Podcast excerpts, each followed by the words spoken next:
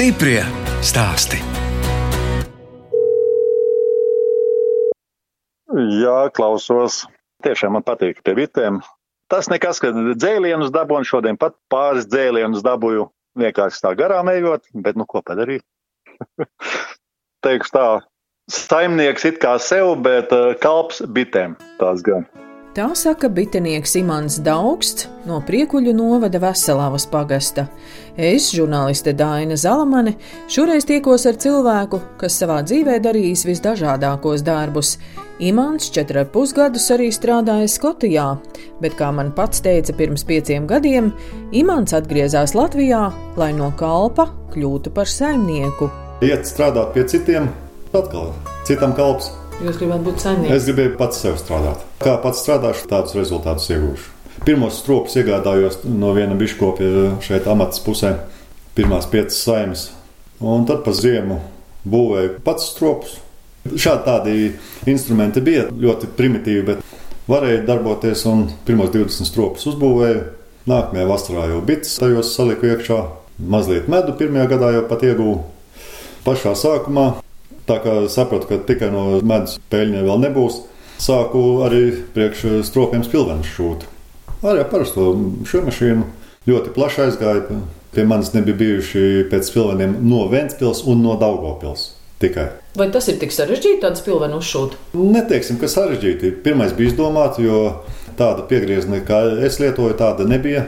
To es pats izdomāju. Es liku iekšā vatelīnu, kas kādreiz Krievijas pufaikās bija polstrējumā. Brīžiem pat bija ļoti lielos apjomos, jo daudzi savu biznesu paplašināja taisni biškopībā līdz ar to. Pa tūkstoši, pa pāris tūkstošiem mēnesī bija pasūtījumi, bet tad gan gulēt vairs nebija laika. Pāris stundas un atkal pie šiem mašīnas. Bet tas atkal bija man ļoti labs atbalsts naudas ziņā, jo es tūlīt pat to naudu atkal guldīju iekšā stropos un inventārā. Pagājušā gada rudenī startēju uz kārtējo projektu par atbalstu uzņēmējdarbības uzsākšanai Līdz ar to ieguvu Eiropas naudu, kas bija tiešām ļoti liels atbalsts, 15,000 ieguvu. Un par to tika iegādāts kravas buss, ziedputekšņa kalte. Kura ir kalte? Tas leduskapis. Vasaras laikā ir ziedputekšņa kaltēju, ziemā bišu maizi. Bišu maizes dzirnavas arī ir e, nopirktas pašas lielākās, kādas vispār ir iespējams, no profesionālās bišu dzirnavas. Arklu iegādājos, lai var uzākt zemi, un šeit var redzēt, kur ir arums šis viss lielais lauks ir uzvārds. Var redzēt, tā kā ar ķēmi ir noķemmēts. Mm. Nav nedz. Tā jau mums kāds traktoriņš arī ir. Nu, mums ir pats vienkāršākais MTZ 82 traktors. Sataisījām tad. Nu, Imant, kā jūs teicāt, ko tik visu jūs nemākat, nu, elektriķis, traktoris, no laukos jāmāk viss. Šeit man ir vaska, viss piedarumi, lielā lāde, kur tiek saldēta bišu maize. Šeit citi neviens nenāk, te tagad ir augsts. Oh, bet tā smarža cik skaista, vai ne? Tā ir viršu medus spieda, to es pagājušā rudenī uztaisīju. Sākumā redzu, ka ir e, šūnās medus. Jā. Un, lai virsi dabūtu ārā, lieku audumā, un pēc tam presi spiežu. Šeit ir dankarts. Ar tādu milzīgu spēku vajag e, presēt. Jo virsis ir žēlēja veida medus. Tamdēļ arī virsmu medus ir dārgs. Skatos, te ir kaut kas interesants. Te ir tā venes medu un mežrozītes medu. Visas ogas, kas šeit ir, tas ir smilcēkšs, zēvene, upene, āvena, mežrozīte un ķiploki. Tie visi ir audzēti Latvijā. Ķiploki, piemēram, ir tepat no Raunas pusē meitenes audzē Latvijas ķiploks. Tad ir dažādi medi. Šeit patreiz ir virsis un vasaras ziedu medus. Arī salmiņos tiek fasēts medus bērniem. Kaut kas jautrs. Nogriež galiņu un jā, jā, jā. Speciāli vedu uz lavandas laukiem Limbaģa pusē saimniecība Lillas, lai lavandas medu iegūtu. Tas tāds ekskluzīvs medus, tāds rūktenāks, kaklā koži stiprāk kā jebkurš cits medus. Kāpēc jūs tā izdomājat uz medus burciņām rakstīt imanta medus? Imanti droši vien daudz bitinieki. Nu, imanti daudz, jā, bet es cenšos iet uz maksimālu kvalitāti necenšoties iegūt pēc iespējas vairāk tonnas vai kilogramus medu, bet galvenais, lai būtu kvalitāte. Līdz ar to es eh, droši varēju likt savu vārdu virsū, un tas nozīmē, ka es ar savu vārdu atbildu par kvalitāti. Kopš pagājušā gada manam medum ir piešķirta zaļā karotīte, kas ir vēl papildus garants kvalitātei.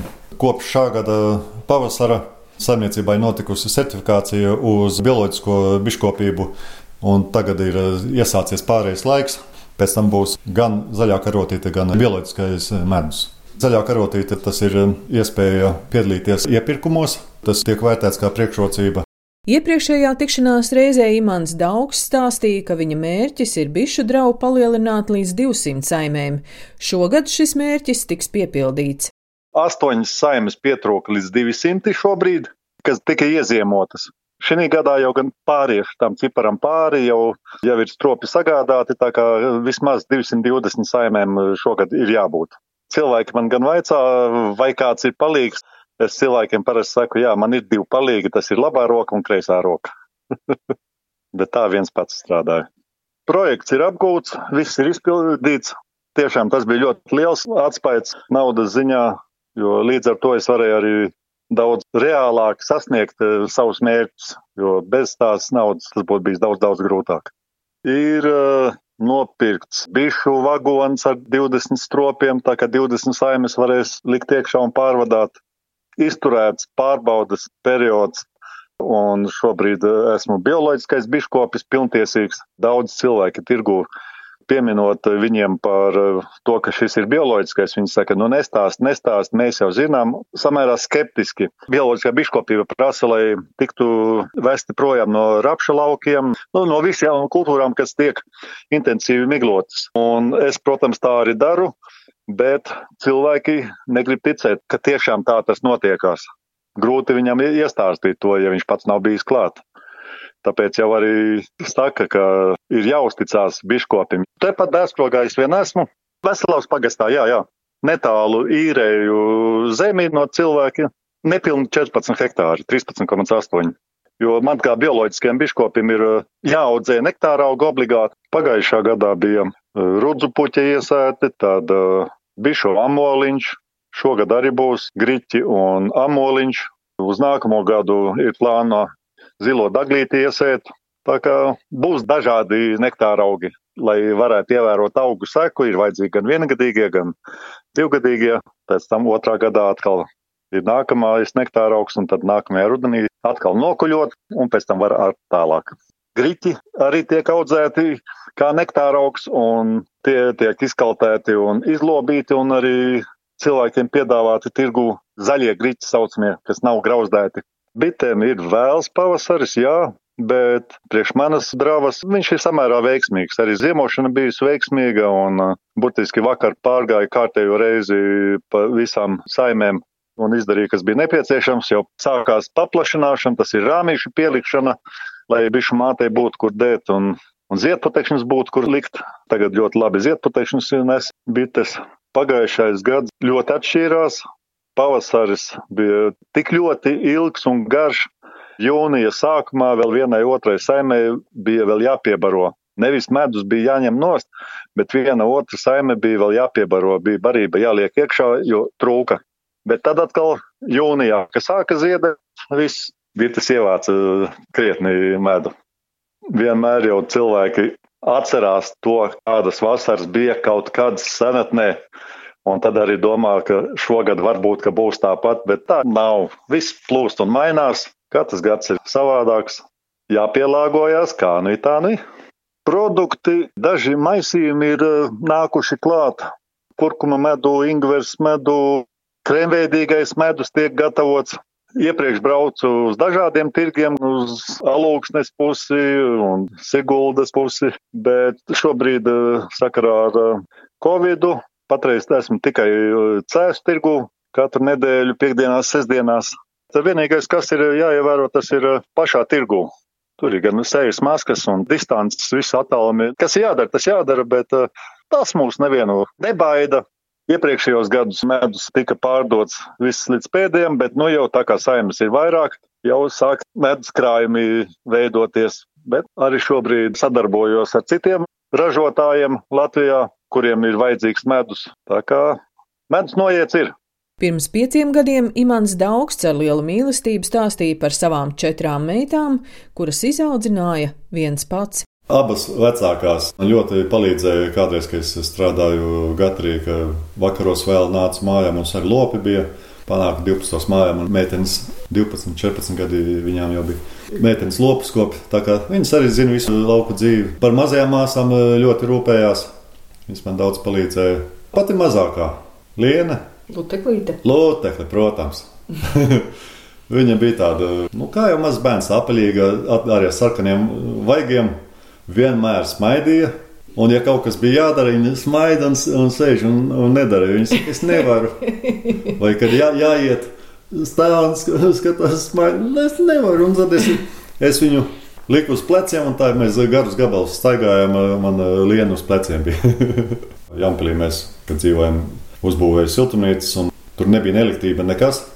Ūdens bija jānes uz siltumnīcām. Siltumnīcas bija ļoti liels, pie 240 kvadrātmetriem, tie milzīgs. Tirgojām tomātus, gurķus un meitenes katru dienu pa divu tonnām ūdens spaiņos nesa uz siltumnīcu un laistīja. Cik žēl, ka nav neviena meita šeit, uz ko viņas par jums saka? Jā. Ka viņām labākais teica pasaulē? Nu, viņas pie manis, ka uz Skotiju brauca, vēl dāvanas veda, vēl arī tāda paliela krūze, kā jau priekš tēta, rakstīt The best dead. Labākajam tētim. Labākajam tētim, jā. Vecākās meitenes bija krūzi šeit nopirkušas un uh, pašas bija uzrakstījušas ar tām uh, glazūras krāsām. Tagad mēs saucam to krūzi tēta krūze. Kādas ir jūsu meitas? Katra savādāka? Jo pirmais jau, kas uzreiz prātā ir, tas ir mana mārīte bērnībā, tad, kad viņa bija maziņa. Viņa bija hiperaktīva. Garos gabalus ejot, nekad viņa nebija jānes uz pleciem. Viņa vienmēr jau pa priekšu gāja, muteli līdz ausīm, sarkaniem vaigiem, ūdens zāli. Ja viņa piekusa, kur viņa apsētās, tur viņa arī gulēja. Man ir pat fotografija, mājas darbus sadarījusi un vienkārši pirkti apsēdusies un aizmigusi. Abas jaunākās imanta meitas aizbrauca tēvam līdzi uz Skotiju un tur dzīvo joprojām, bet vecākās meitas dzīvo Latvijā un imants palapojas, ka viņam ir jau septiņi mazbērni. Vecākā Inga vēl joprojām strādā uz ātrās medicīniskās palīdzības. Viņa ir ārsta palīgs. Trīs bērni viņai, meita un divi dēli. Otra meita, Inese, joprojām strādā meteoroloģijas centrā. Viņai šobrīd ir meita un dēls. Es uz Rīgu bieži braucu. Tad pie vienas, pie otras aizbraucu mazbērns aplūkot un tāpat parunāties. Tad jaunākās meitas ir Skotijā. Abas ir iegādājušās īpašumus, mājas nopirka. Mārīt tāpat strādā oficiālā naftas kompānijā, tāpat kā iepriekš. Un jaunākā meita Liene, viņai dēls un meita koledžā izmācījās pa šo laiku. Teikšu tā, viss notiek. Šogad ir plānots augustā braukt uz Skotiju, uz jaunākās meitas kāzām. Beidzot, viņi sadomājuši ir uh, oficiāli noformēt to visu darījumu. Liene un Oļeks būs vīrsmas sieva ļoti cerēsim, ka varēs bez problēmām uz turieni tikt uz Skotiju. Tā kā tagad uz Igauniju vai, vai uz Lietuvu ir grūtāk aizbraukt. Katru gadu vismaz pāris reizes tepat pa Latviju. Būtiski pirms dažām nedēļām eh, biju uz Daugavpils pusi, dabu apstīties, pilis mūžas, nu, var teikt, daudz ko. Mums arī biškopi, kā pa visu Latviju sazināmies, un tad viņi man izrāda savas saimniecības. Biju arī tagad Krāslavas pusē pie vaska šūnu ražotāja, ar kuru es sadarbojos, es viņam dodu savu vasku, viņš man uh, pagatavo bioloģiskās vaska šūnas, kuras pēc tam lieku rāmīšos, kausē iekšā un lieku stropā. Viņš izrādīja gan savu vaska ražotni, viņš audzē dažādas nektāra augus un uh, tējas gatavo zemnieku saimniecību kurmīši, Ivars Geiba. Iepriekš uz Ventspils pusi bija aizbraucis, Jūrkalne, Pāvilos, Ventspils, Kolka. Tur ir daudz, daudz ko redzēt. Kaut gan pats esmu kurzemnieks, bet daudz kur vēl neesmu bijis pat kurzemē. Teikšu, nenokārt degunu. Man pašam brīžiem tā ir bijis, kad gribās degunu nokārt, bet nenokārt degunu gan jau, gan jau būs labi viss. Stiprie stāsti!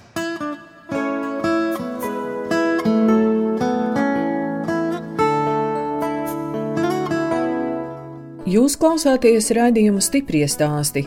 Radījuma turpinājumā sazināšos ar Vīģu Jārmacāni no Balvu novada Briežu ciema pagasta kronīšiem. Pie Jārmacāna kuplās ģimenes, kurā auga pieci bērni, ciemojos pirms sešiem gadiem. Tolaik Vija un viņas vīrs Jāzeps strādāja Briežu ciema pamatskolā. Vija bija skolotāja, bet vīrs Jāzeps ar autobusu veda skolēnus uz mācībām.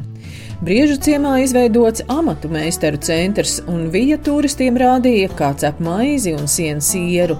Saimniekiem pašiem bija arī sava saimniecība ar 70 hektāriem zemes, 10 cūkām un 3 govīm. Salīdzinot uz tiem lielajiem saimniekiem, kas tūkstotis hektāru apstrādā, smējos, es jau tāds kā pusgraudnieks, ja nesu.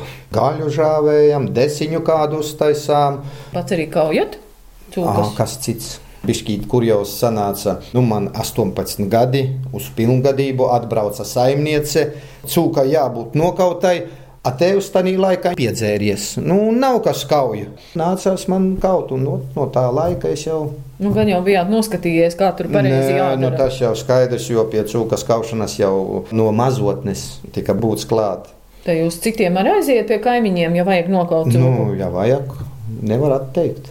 Šito sieru, ko man vīramāte iemācīja, es tagad sienu. Nu, tas ir tāds stingrāks nekā citi. Mums patīk viņš. Garšīgāks nekā citiem.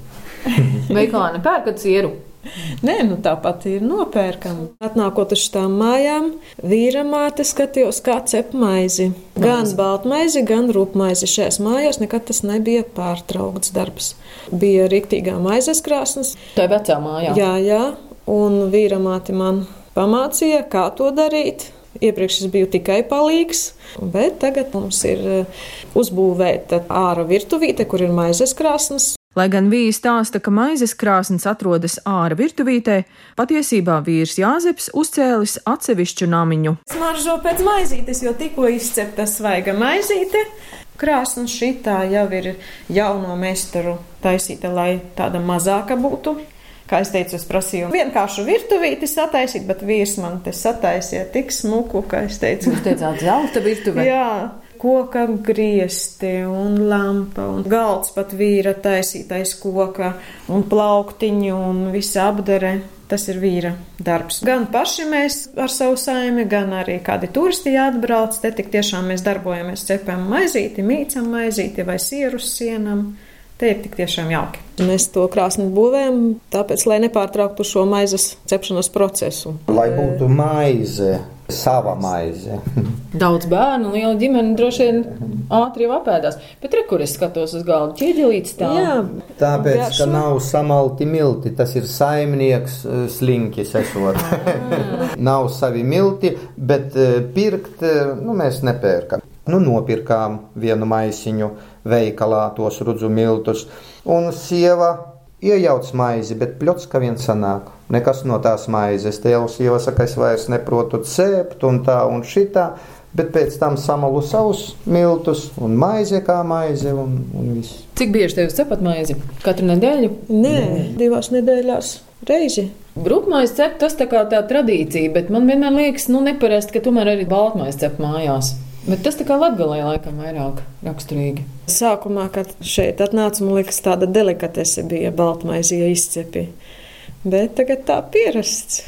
Bet jūs cepat tādu tradicionālo rūpmaizi tur ar visu ieraudziņu Teiksim tā, nu, pēc senču metodēm. un Vecmā- baltmaizi.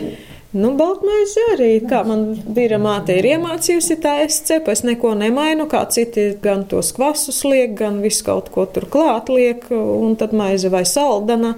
Teiksim, pie rudzumaizes jau daudzi liek cukuru klāt, tad, kā man vīrs saka, nevar ar gaļu ēst to maizi, vajag bez cukura.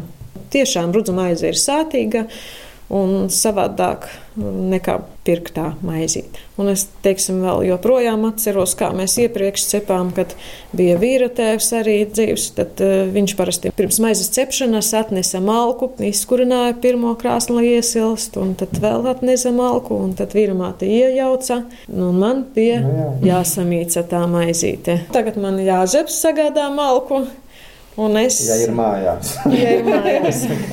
Gan iejaucu, gan samīcu, bet tālāk pie cepšanas gan man nāk bērni palīgā, jo tur gan vajadzīgs attaisīt krāsnī turtiņas, lai vieglāk samest maizīti, un tur piepalīdz tiešām bērni tagad man. Bet Jāzepam vēl ir sapnis izveidot pašam savas dzirnavas. Sapņu jau daudz, ja cilvēkam nebūs sapnis, priekš kam viņam arī dzīvot. Mēs jau nekad nedomāju, ka man būs personīgais traktors, nu, bet man viņš ir.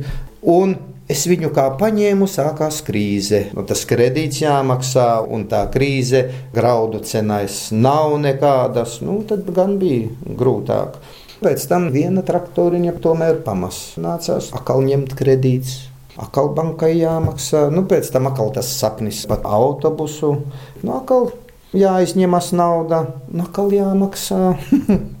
Tā kā no kredītiem tikt vaļā diezgan grūti. Bet, ja viņu nebūtu, grūti sakrāt, lai nopirktu. Bija. Un kādi jums tie sapņi? Nu, redz, vīrieši jau tādi praktiski. Mašīnīti, traktoriņu, autobusiņu. Ja? Mm. Es laikam vairāk vēršu domas uz bērniem, lai viņiem būtu darbs. Varbūt arī man draudīga situācija skolā nav daudz bērnu. Un arī, protams, gribi vai negribi, varbūt aizvērst to skolu. Un būs jādomā, ko tālāk darīt. Maizi, jā, nu mēs pārdod. Nu, Vijas Jarmacānes pirms sešiem gadiem teiktie vārdi par briežuciem pamatskolas slēgšanu piepildījās. Gan man, gan vīram nebija darba sakarā ar skolas aizslēgšanu. Tajās telpās tagad pagastā pārvalde un kultūras nams. Kultūras dzīve turpinās, protams, tikai šajā pandēmijas laikā nekas nenotiek. Tad, kad atkal es mājās sēdēju, tad man, protams, bija tāds liels uzticēts uzdevums apkopt uh, vīra māti, kura bija sasirgusi. Vajadzēja ikdienā ļoti uzpasēt viņu. Tad, kad uh, vīra māte nomira, likās tāds atkal trieciens, tomēr atkal turpinās ar prieku tieku uzaicināta uz Baltinās vidusskolu uz darbu. Tā ka kaut kā dzīve rit visu laiku tādiem, nu, varbūt līkločiem, bet pozitīvi viss aiziet. Man bija maza meitiņa, gadiņš, un uh, gribējās vienkārši dzīvi veltīt savai ģimenei, savai mazai meitiņai, un tad uh, Padrusciņai sāku arī palīdzēt vīram braukt uz autobusa par šoferi, aizvest ekskursijā kādus cilvēkus. Kā šoferis es braukāju arī pa visu Latviju, un tad arī kopā ar vīru pa visu Eiropu mēs braukājām, tā ka nebija kad mājās sēdēt. Un tad mums arī, protams, vēl viens mazais puika parādījās. Mums tagad kopā ir sešu bērnu ģimene un tad es priecīgi atkal atdevu tās iespējas savam dēlam vecākajam, kas arī ar tēti turpināja braukāt pa Eiropu, un tad mazliet mājās atpūtos. Protams, atceroties šo posmu, liekas, kā dzīve pilnīgi ir sakārtojusi vienu notikumu otram notikumam. Jo, teiksim, tagad es strādāju Baltinavas vidusskolā, šogad iesāku ļoti jauki kādreizējais sapnis. Domāju, kā būtu, ja es mācītu savā dzimtajā skolā, kurā es arī pati mācījos. Ļoti jauki ir tiešām atgriezties savā bijušajā skolā, strādāt ar skolotājiem, kolēģiem, kuri mani audzināja, un prieks, protams, paskatīties arī, ka tajā pašā skolā arī strādā skolotāji, kuri jau ir mani audzēkņi. Tā kā es esmu tāda, nu, un šis, teiksim, tāds mazs sapnis piepildījies ir. Tagad es mācu sākuma skolā latviešu valodu, matemātiku, sociālās zinības, dabas zinības. Tā ir pirmā klasīte man, kura ir ļoti mhm. jauka un interesanti ar viņiem strādāt. Paši bērni tādi interesanti, zinoši, kā lauku cilvēkam darbs darbu dzen, un tur ir jāskrien no rīta celies, tev ir lopi, kūtī jāpastrādā, tad ēst jātaisa, un tad atkal kaut kur dārzā jāaiziet, un atkal sākas vakara darbi, un kamēr visu gan bērni, gan kūtī, un tad jau atkal gulēt jāiet, tā vien kā izgulēties. Jau ir teiksim tā, 14 lielopu galvas, 8 slaucamās govis un pārējie telēni un kādas piecas cūkas. Tā ka mēs drusciņi papildinājām savu ganāmpulku. Kā ceļos no rīta, sākumā sporta vingrinājumi kūtī, un tad, protams, uz skolu. tad maza tāda pauzīte, kad beidzās stundas, tu vari sataisīt kafiju, kas mēs apsēsties mierīgi, izdzert kafiju, bet pie datora. Rakstot stundas datora, rakstot uzdevumus, tad atkal uz mājām braucam un atkal savs ritms mājās notiek. Es tāpat arī izcepu maizi, bet šoreiz sanāk jau retāk, jo aizņemtāka jau palieku. Bet, nu, arī, teiksim, ar turismu, ja kāds piezvana un um, grib atbraukt, paskatīties, kā tiek cepta maizīte, tad, protams, arī es viņus uzņemu. Tagad pēdējā laikā vairāk tikai ģimenes brauc ar saviem bērniem, tādas nelielas grupiņas. Es nevienam neatsaku. Un lepni gaidīti visi. Vija Jarmacāne ar vīru un bērniem ir aktīvi pašdarbnieki, gan dejo tautas dejas, gan darbojas amatieru teātrī, un šobrīd kopā būšana ļoti pietrūkst. Dramatiskā kolektīva nosaukums ir palādas, pūces, tie, kas tikai vakarā, jo pa dienu ir ne tikai mēs, bet arī pārējās saimes, kas piedalās eh, šajos pulciņos saimēm veselām, tātad vīrs, sieva un pat bērni, pa dienu nav kad to darīt. Bet sanākot kopā, tas ir tāds enerģijas uzņemšanas slādiņš. Un vēselē paliek jautrāk, un tu neredzi to nogurumu, kad par dienu esi varbūt strādājis cītīgi fizisku darbu, tad tev tas ir tādā vienkārši atslodze vakarā. Bet, protams, vienmēr visiem mazajiem arī viņi ir gājuši uz mēģinājumu kopā ar mums. Viņiem, protams, tas arī ļoti, ļoti patika un viņa vienmēr teica, kad vēlreiz mēs brauksim uz mēģinājumu. Vairāk varbūt veltījām arī laika savai ģimenei, kopīgas pasēdēšanas varbūt bija biežāk ugunskuru dārza iekūrām arī ziemas laikā un vienkārši sanācām saime ģimene kopā. Protams, mums jau ir lielākajiem bērniem no otrās pusītes un draugi un draudzenes, tad jau vēl lielāka saime mums veidojas. Vienīgais, ko es tā mierīgi ar bērniem varēju vakaros palasīt pasaku. Bērni ir tā pieraduši mazākie, ka katru vakaru ir jālasa pasaka. Ja kādreiz pateiksi, nu, man šovakar ļoti daudz darbiņa jāpastrādā, nu, aiziet gulēt vieni paši, tad viņi vairs saka, nē, nevar aiziet gulēt, jālasa obligāti. Protams, es arī lasīju gan šīs pašas latviešu tautas pasakas, gan šīs ārzemju pasakas, kurās ir ļoti skaisti zīmējumi. Ir eh, Ontana Slišāna grāmatiņa Raibā pasaulīte.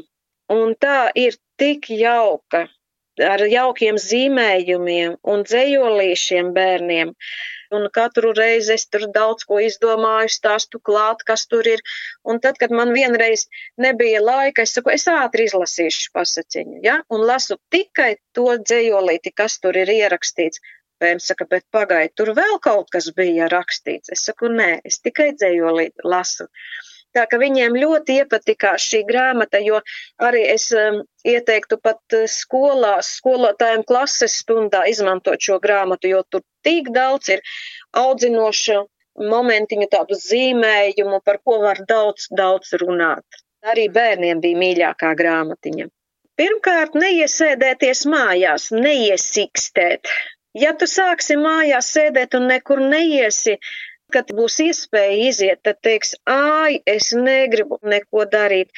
Bet ja tu visu laiku esi tādā apritē, tu ej un dari, un tad tu neesi iesīkstējis, tad tu nepaliec vecāks, un tev ļoti patīk visu darīt. Tad, kad man nebija darba, mēs ar vīru braucām pa Eiropu ar autobusu tik ļoti bija patīkami braukt tās ekskursijās, tās emocijas un svētceļojumos vedām arī cilvēkus. Man tā tiešām tagad šajā periodā pietrūkst un liekas, ak, šausmas, kad būs tā iespēja, kad varēs aizbraukt ceļojumā.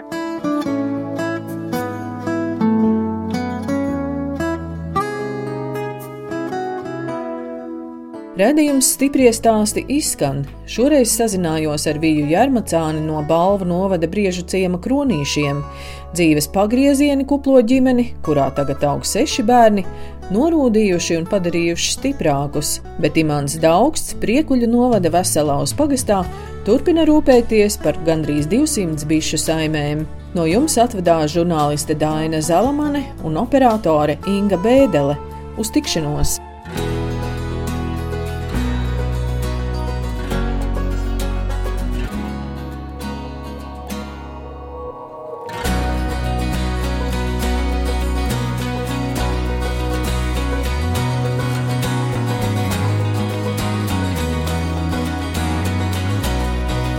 Stiprie stāsti.